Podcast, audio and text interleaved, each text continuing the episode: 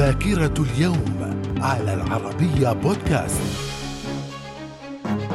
أهلا بكم ومن ذاكرة الحادي والعشرين من سبتمبر من العام 1792 إلغاء النظام الملكي وإعلان قيام الجمهورية في فرنسا.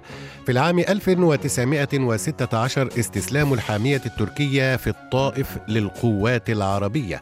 وفي العام 1943 انتخاب بشار الخوري رئيسا للبنان.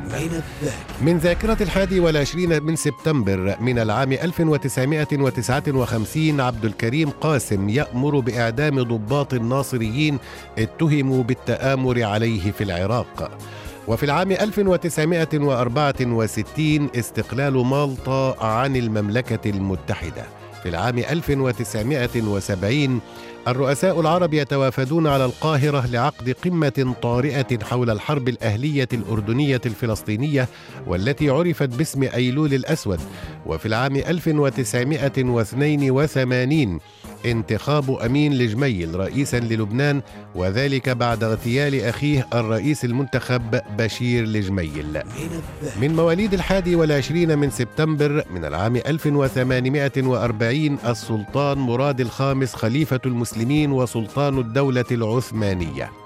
وفي الحادي والعشرين من سبتمبر من العام 1983 توفيت فايزة أحمد المغنية والممثلة المصرية من أصل سوري. وفي الحادي والعشرين من سبتمبر من كل عام يحتفل باليوم العالمي للسلام.